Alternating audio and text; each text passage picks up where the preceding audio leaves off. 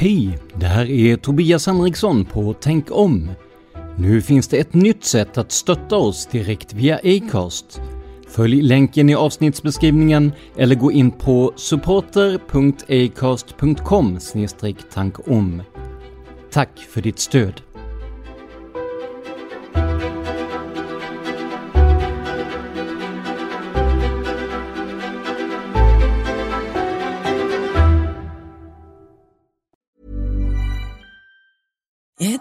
Time of the year. Your vacation is coming up. You can already hear the beach waves, feel the warm breeze, relax, and think about work. You really, really want it all to work out while you're away. Monday.com gives you and the team that peace of mind. When all work is on one platform and everyone's in sync, things just flow wherever you are. Tap the banner to go to Monday.com. Hey, it's Ryan Reynolds, and I'm here with Keith, co star of my upcoming film, If, only in theaters, May 17th. Do you want to tell people the big news?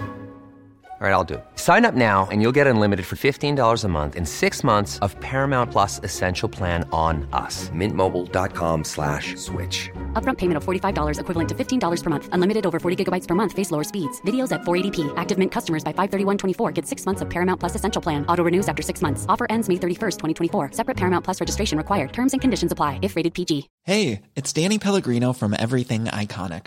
Ready to upgrade your style game without blowing your budget? Check out Quince. They've got all the good stuff shirts and polos, activewear, and fine leather goods, all at 50 to 80% less than other high end brands. And the best part? They're all about safe, ethical, and responsible manufacturing. Get that luxury vibe without the luxury price tag. Hit up quince.com slash upgrade for free shipping and 365 day returns on your next order. That's quince.com slash upgrade.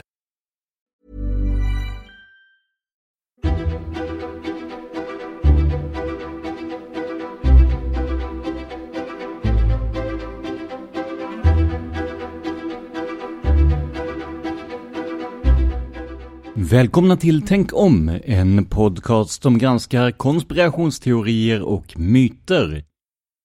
Jag heter Tobias Henriksson. Sedan starten våren 2019 har vi granskat en massa olika myter. Det har rört sig om ishockey, mordfall och sjunkna skepp. Om ni vill att vi ska kunna fortsätta med detta även i fortsättningen och kanske med längre avsnitt, så är ni mer än välkomna att sponsra oss med en summa per publicerat avsnitt. Det gör ni lättast på patreon.com tankom, alltså p-a-t-r-e-o-n.com tankom.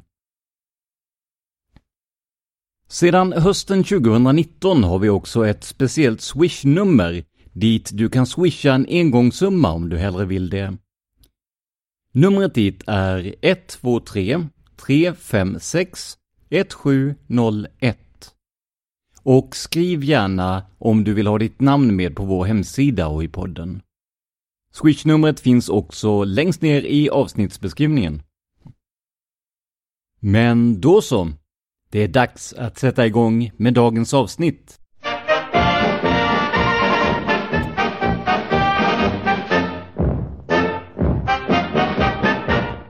I det här avsnittet ska vi titta närmare på en del myter, teorier och uppfattningar om det som säkert varit en stor del av er barndom, oavsett om du är ung eller gammal. Vi ska nämligen lämna förra avsnittets laddade ämne och bege oss in i sagornas värld. Även om det är jag som kommer att guida er genom det här avsnittet är det en annan person som ni har att tacka för att vi kan göra avsnittet.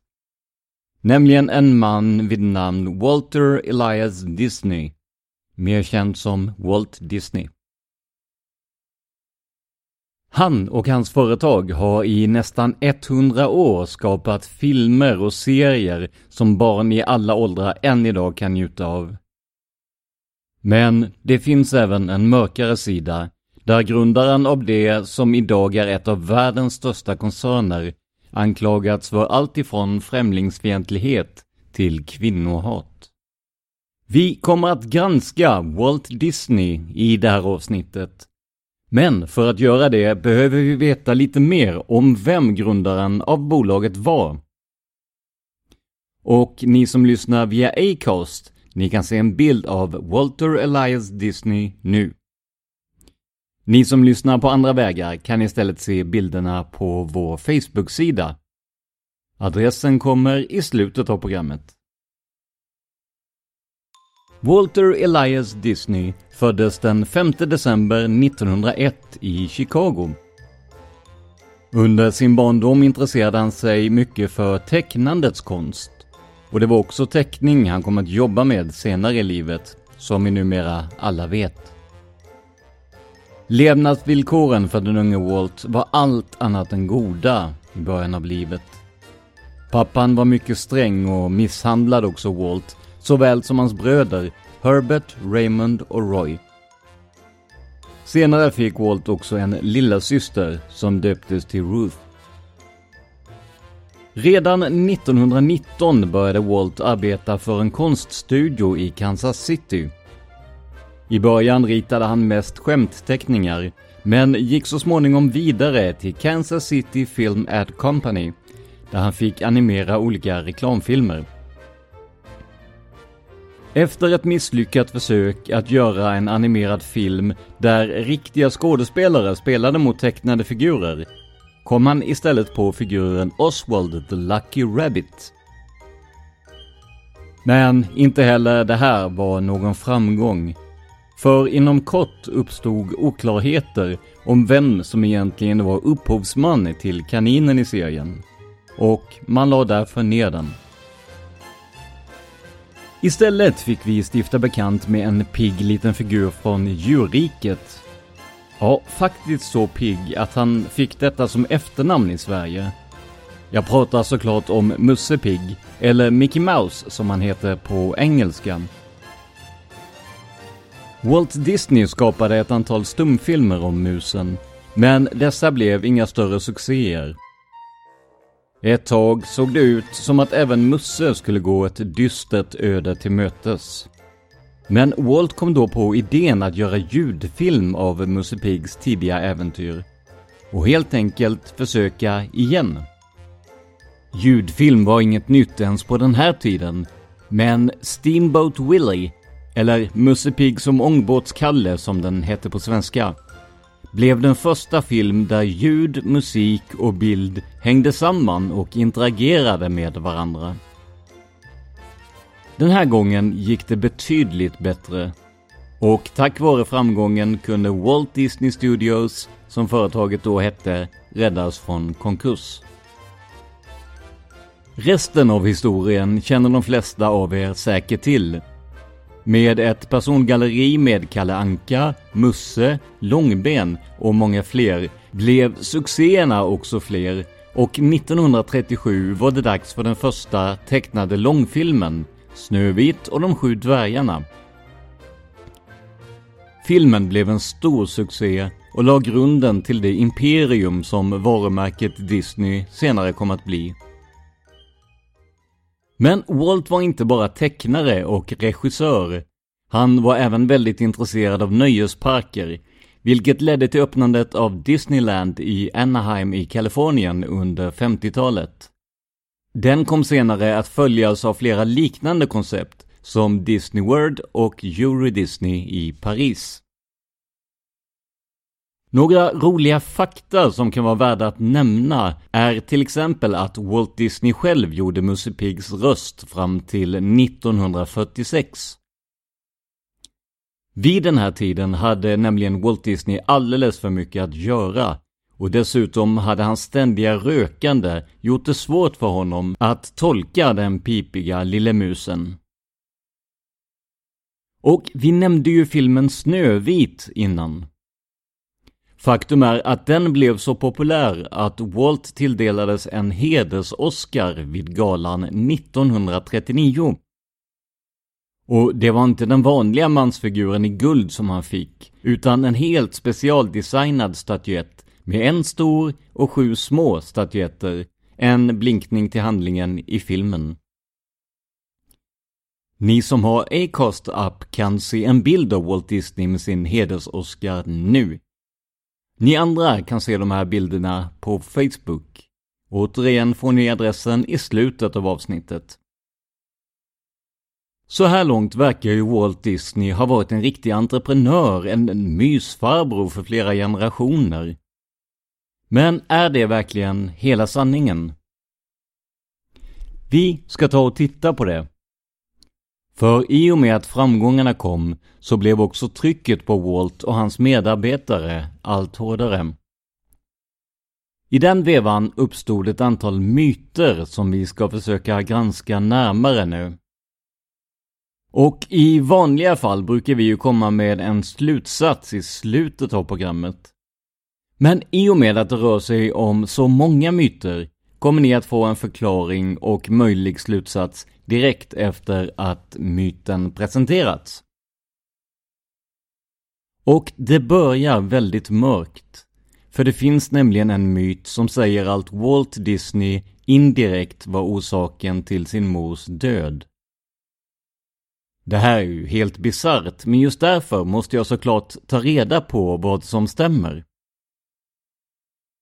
Och det visade sig att den här myten faktiskt går att bekräfta.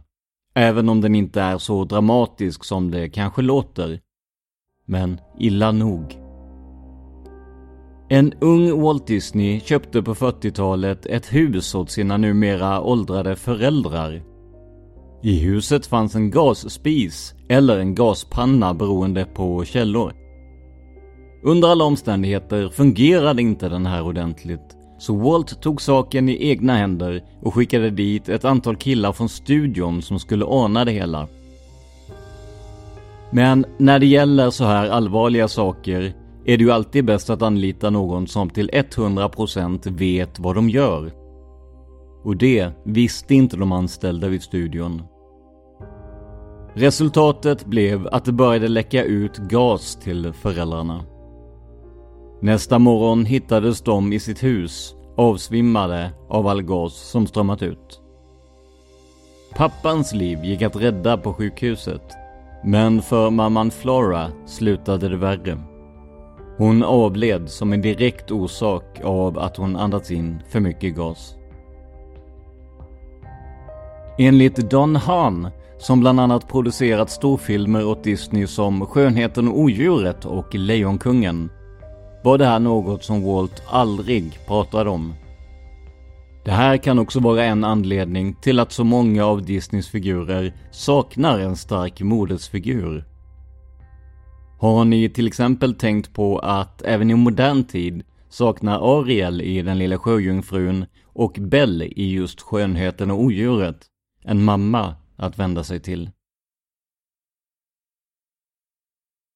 Men myterna om den till synes godmodige och lugne producenten, animatören och manusförfattaren var långt ifrån slut där. Under årens lopp kom det fram rykten om hårda nypor, kvinnoförakt och rent av rasism från den högste chefen i företaget. Vi ska ta och titta på de anklagelserna nu. För att förstå de kommande myterna måste man tänka på att varje person som lever eller levt också påverkas av den tid och omgivning hen lever i. Människosynen är såklart annorlunda mellan en person född 1901 och en som till exempel är född 1991. Men med det sagt, vad kan vi säga om Walt Disneys påstådda hat mot kvinnor? Ja, till en början med kan vi konstatera att han var gift en enda gång och det var mellan 1925 och fram till Walts död 1966. Faktum är att hans fru, Lillian Marie Bounds, jobbade åt honom i studion och det var därigenom de träffades. Om Walt hade haft ett faktiskt hat mot kvinnor har jag svårt att se att han skulle gifta sig med en och dessutom stanna vid hennes sida tills döden skilde dem åt, som löftet i kyrkan lyder. Men däremot var han mycket tydlig med att han inte anställde kvinnliga animatörer. Om kvinnor sökte sig till den kreativa delen av yrket blev de istället färgläggare. Under produktionen av Snövit och de sju dvärgarna jobbade många av de anställda kvinnorna så mycket som 80 timmar i veckan, det vill säga dubbelt upp mot normal svensk arbetstid. Trots detta var det omöjligt för dem att stiga i graderna och till exempel bli animatörer. Det finns ett känt bevis på Walts inställning till yrkesarbetande kvinnor. Det går bland annat att läsa på nätet. Han skriver citat Kvinnor gör inget av det kreativa arbete som är en förberedelse för de tecknade filmerna. Det här är ett jobb som enbart utförs av unga män." Slutcitat. Så visst, det var inte lätt att slå igenom på Disney som kvinna på 30 och 40-talen. Men faktum är att det inte dröjde längre än till slutet av just 1940-talet innan Mary Blair bröt den här könsmuren och fick äran för ett antal konceptteckningar. Så nej, Walt Disney hade inga höga tankar om kvinnor i kreativa yrken. Men att kalla det för kvinnohat är att gå ett steg för långt. Snarare var han nog tyvärr en produkt av den tid som han levde i, där kvinnor och män hade väldigt olika status, både på jobbet och innanför hemmets fyra väggar. Men han sa själv att det fanns två typer han inte litade på, kvinnor och katter. Lite av den här förklaringen om tidsandan kan förmodligen också appliceras på myten om att Walt Disney skulle vara rasist eller antisemit. Men här finns det en del bestickande exempel som inte direkt framställer honom i bättre dager. Bland annat bjöd han in den kända nazistiska propagandadrottningen Leni Riefenstahl till sin studio och bjöd dessutom på en tre timmars lång rundvandring. Med allt vi vet idag om nazismens fasor är det här inte direkt något som Walt Disney Company skryter med. Tiden för när Riefenstahl besökte studion var också synnerligen illa vald. Det var nämligen bara en månad efter kristallnatten. Den natt mellan den 9 och 10 november 1938 då över 400 judar dödades och mellan 20 och 30 000 greps och fördes till koncentrationsläger. Det här framstår idag som helt otänkbart. Men tydligen var detta inget som störde den stora filmskaparen på sent 1930-tal. Mitt under nazismens bästa framfart. Many of us have those stubborn pounds that seem impossible to lose, no matter how good we eat or how hard we work out. My solution is plush care. PlushCare is a leading telehealth provider with doctors who are there for you day and night to partner with you in your weight loss journey. They can prescribe FDA-approved weight loss medications like Wagovi and Zepbound for those who qualify. Plus, they accept most insurance plans. To get started, visit plushcare.com slash weight loss. That's plushcare.com slash weight loss. Hey, it's Ryan Reynolds, and I'm here with Keith, co star of my upcoming film, If, only in theaters, May 17th. Do you want to tell people the big news? All right, I'll do it. Sign up now and you'll get unlimited for $15 a month in six months of Paramount Plus Essential Plan on us. Mintmobile.com slash switch. Upfront payment of $45 equivalent to $15 per month. Unlimited over 40 gigabytes per month. Face lower speeds. Videos at 480p. Active Mint customers by 531.24 get six months of Paramount Plus Essential Plan. Auto renews after six months. Offer ends May 31st, 2024. Separate Paramount Plus registration required. Terms and conditions apply if rated PG. Millions of people have lost weight with personalized plans from Noom. Like Evan, who can't stand salads and still lost 50 pounds. Salads, generally, for most people, are the easy button, right? For me, that wasn't an option. I never really was a salad guy. That's just not who I am. But Noom worked for me. Get your personalized plan today at Noom.com. Real Noom user compensated to provide their story. In four weeks, the typical Noom user can expect to lose one to two pounds per week. Individual results may vary. Flera tidigare anställda i företaget från den här tiden menar att det fanns en rasistisk jargong hos Walt. Bland annat kallade han vid ett tillfälle de sju dvärgarna för och jag ber om ursäkt för språket i det här citatet, en hög med negrer, slutcitat.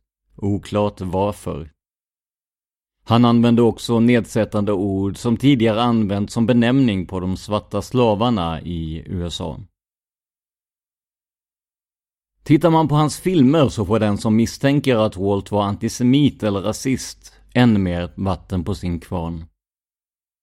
Ett exempel är originalversionen av Tre små grisar, en kortfilm från 1933. Visst är Stora stygga vargen porträtterad som en stereotyp judisk handelsresande i en scen. Jag kan tillägga att det inte är lätt att stöta på den scenen idag. För när The Walt Disney Company insåg hur stötande det här var animerades filmen om. I alla nyreleaser är det den nyanimerade versionen som visas. Dessutom har vi historien om Sången om Södern, eller Song of the South i original. En långfilm som var så grovt rasistisk att The Walt Disney Company vägrar att släppa den igen på grund av sitt kränkande innehåll. Bland annat gav man en förskönad bild av svarta slavars situation i USA och porträtterade de färgade personerna som lata, komiska och ganska korkade. Kulturhistorien Jason Spurb beskriver filmen som citat en av Hollywoods allra mest öppet rasistiska verk, slutcitat. För att väga upp bilden av Walt har vi även utsagor från personer på studion som säger att personer av judisk börd hanterades precis som vem som helst. Vi kan dock konstatera senare i avsnittet att det inte behöver betyda att de hanterades bra. Det framgår inte heller om personerna som säger detta själva är judar eller inte, vilket ju har en stor betydelse. Slutsatsen blir att det är omöjligt att veta så många år efteråt vad som är en del av den tid han levde i och vad som är egna åsikter och tankar. Men under alla omständigheter finns det klara bevis för att Walt Disney hade rasistiska och i alla fall snudd på antisemitiska åsikter. Vad det sedan beror på är som sagt väldigt svårt att säga. När vi ändå pratar antisemitism och rasism måste vi ta upp den underbara myten som säger att det finns en kortfilm där Kalle Anka är nazist. Det kan väl ändå inte vara sant? Jo, det kan faktiskt det. Men det är inte fullt så illa som det låter. I alla fall inte med den syn man hade på propaganda på 30 och 40-talet. För filmen Der Führers Face som släpptes 1943 skapades för att visa hur fattigt, förtryckt och farligt som Tyskland var under andra världskriget. Mycket riktigt är det vår vän Kalle som får iklä sig den nazistiska uniformen och jobba på en vapenfabrik i Tyskland. Vi ser ett flertal kända nazister avtecknade i filmen och vi hör också hur Kalle tycker att det nazistiska levernet är rent uselt. Filmen slutar med att Kalle Anka vaknar i sin säng i USA och konstaterar att han drömt allt. Självklart betonar han också hur glad han är att bo i Amerika. Idag hade den här filmen knappast kunnat släppas. Vi ser det ökända hakkorset genom hela filmen Kalle och många andra karaktärer gör Hitler hälsning och mycket mer. Men i krig och propaganda är tydligen allt tillåtet. Det här säger dock inget om Walt Disneys egna inställning till nazismen. För enligt den tidens källor var filmen en beställning från antingen militären eller regeringen för att stärka amerikanernas moral och också deras hat mot nazismen. Något som kan vara kul att veta är att filmen vann en Oscar som bästa animerade kortfilm. Det får man såklart också se i ljuset av den propaganda som pågick under andra världskriget. Av lättförklarliga skäl kan vi inte lägga ut bilder från filmen, men i avsnittsbeskrivningen hittar du en länk till Youtube där den finns att se i sin helhet. Att kvinnor inte fick några framskjutna kreativa positioner på företaget, ja, det har vi redan gått igenom. Men hur var det med alla de män som faktiskt jobbade där? Det sägs ju att Walt Disney var hård och krävande och drev en väldigt strikt personalpolitik. Även den här myten visar sig bära sanningens prägel. För i intervjuer och biografier beskriver hans anställda hur Walt kunde vända från att vara den varma, mjuka person som tittare och media såg till att vara hård och skoningslös. Bland annat var det inte ovanligt att förhandlingar, oavsett om det gällde det kreativa arbetet eller löner, slutade med att Walt helt enkelt vägrade ge med sig till den anställde gick därifrån eller helt enkelt slutade. Han var bitvis oförsonlig när det kom till arbetsvillkoren för de anställda. Och detta utmynnade bland annat 1941 i en strejk bland animatörerna. De anställdas krav kan idag ses som fullt rimliga. Det handlade bland annat om att de inte fick löneförhöjningar eller bonusar, att de löner de redan hade var riktigt låga, samt att de inte fick cred för sina bidrag till de olika filmerna. Disney var också en stor motståndare till fackliga organisationer, som han menade var kommunismens påfund. I strid med den federala arbetsrätten i USA avskedade han helt enkelt anställda som organiserade sig fackligt. Många av de avskedade gick vidare till andra jobb efter detta. Och det fåtal som släpptes in igen gavs högre lön och möjlighet att ansluta sig till fackklubbar. Innan vi kommer till den absolut galnaste myten av alla så måste vi kolla om det stämmer att Walt Disney inte skapade alla sina berömda figurer själv. Och faktum är att det här är ett rykte som är alldeles sant. Många av de personer som vi idag ser som självklara i Ankeborg eller i Disneys universum överhuvudtaget skapades av andra tecknare. Några exempel är till exempel Farbror Joakim, Oppfinnar-Jocke och Björnligan, som alla skapades av den berömda tecknaren Carl Barks. Walt Disney ägnade redan tidigt i sin karriär allt mindre tid åt själva tecknandet och fokuserade på manus och regi. Därför kom andra betrodda tecknare och animatörer att utveckla persongalleriet i bland annat Ankeborg, allt eftersom åren gick. Men nu till en alldeles fantastisk myt som faktiskt existerat sedan strax efter att Walt Disney dog 1966. Stämmer det verkligen att Walt Disney, som ju var väldigt fascinerad av teknik och framtiden, begärde att få sin kropp nedfryst efter sin död för att människor i framtiden om möjligt skulle kunna återuppväcka honom, eller i alla fall delar av honom. Det här ryktet uppstod troligen första gången 1969 och har sedan dess inte tystnat helt en enda gång. Det låter fantastiskt, eller hur? Det innebär att både begravning och gravplats där Walt Disney vilar idag skulle vara fejk och att vi alla förts bakom ljuset. Men kan det verkligen stämma? Nej, inte alls. Den här myten är på alla sätt avfärdad. Det finns till exempel ett signerat dokument som visar att Walt Disney blev kremerad efter sin död. Och även hans barn och andra efterlevande förnekar att nedfrysningen skulle äga någon form av sanning. Det blir lite som med myterna om att Elvis skulle ha överlevt. Saknaden av en idol blir så stor att man gör i stort sett vad som helst för att övertala sig själv om att man en gång kommer att få se personen igen.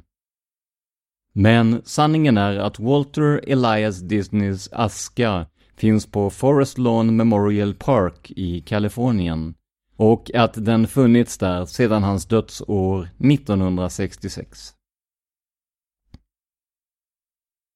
Så vad har vi kommit fram till i det här avsnittet? Jag tycker att man kan konstatera att Walt Disney var en mycket mer komplicerad person än vad man kanske trodde när man hörde honom, eller hörde om honom. Vissa av hans åsikter och metoder skulle definitivt ses som stötande och provocerande idag. Men vi får också minnas att mycket av det som vi tagit upp hände för väldigt länge sedan. Walt Disney var långt ifrån ensam på den här tiden om att inte lita på kvinnor i yrkeslivet. Inte heller var han ensam om att se ner på färgade personer. Det tar inte ifrån honom personligt ansvar, men kan kanske förklara en del av hans beteende. Tittar man på hur han hanterade sina anställda så kan man ställa sig frågan hur bolaget gått om han inte drev dem väldigt hårt. Jag säger förstås inte att det var rätt att göra så, men det var kanske nödvändigt där och då för att få den kvalitet på produkten som Disney var så mån om. Idag, med de arbetslagar och regler som vi har, skulle han såklart gjort sig omöjlig tämligen omgående. Men som sagt, världen tycks ha varit lite mer förlåtande i brist på bättre ord mot excentriskt beteende på 30 och 40-talen. Oavsett Walt Disneys personliga egenskaper och åsikter så kan ingen ta ifrån honom det han gjort för barn i alla åldrar under så många år. Det är säkert åtskilligt fler än jag som till och med förknippar vissa barndomsminnen med en viss film från Disneyfabriken i det stora landet i väst. Och allt det här började med en man, en vision och en liten tecknad mus. Vad tycker ni om dagens avsnitt? Vilka Disneyfilmer är era favoriter och vilka karaktärer talar lite extra till er? Skriv av er på facebook.com tankom.se eller sök på Tänk om i Facebook-appen. På vår Facebook-sida lägger vi också ut bilder från de avsnitt vi har gjort hittills. Till sist, glöm inte att du kan sponsra oss och se till att vi kommer ut oftare. Gå in på patreon.com tankom eller swisha ditt bidrag till 123 356 1701. Numret och webbadressen finns också i avsnittsbeskrivningen. Glöm inte heller att det i lördags kom ut ett bonusavsnitt av Tänk om där vi svarar på fler frågor om Greta och hennes klimatarbete. Vi tar även upp en del av den kritik som vi fått för det avsnittet. Men det här var veckans ordinarie avsnitt av Tänk om som görs av mig, Tobias Henriksson på PRS Media. Vill du veta mer om mig och mitt företag? Gå in på facebook.com prsmedia.se eller hitta oss på Instagram där vi heter prsmedia, ett ord, små bokstäver. Musiken i vårt intro och outro heter Life Decisions och görs av Remember the Future. Bakgrundsmusik och miljöljud levereras av Epidemic Sound. Tack till Acast som distribuerar den här podden. Men framförallt, stort tack för att du lyssnar på Tänk om.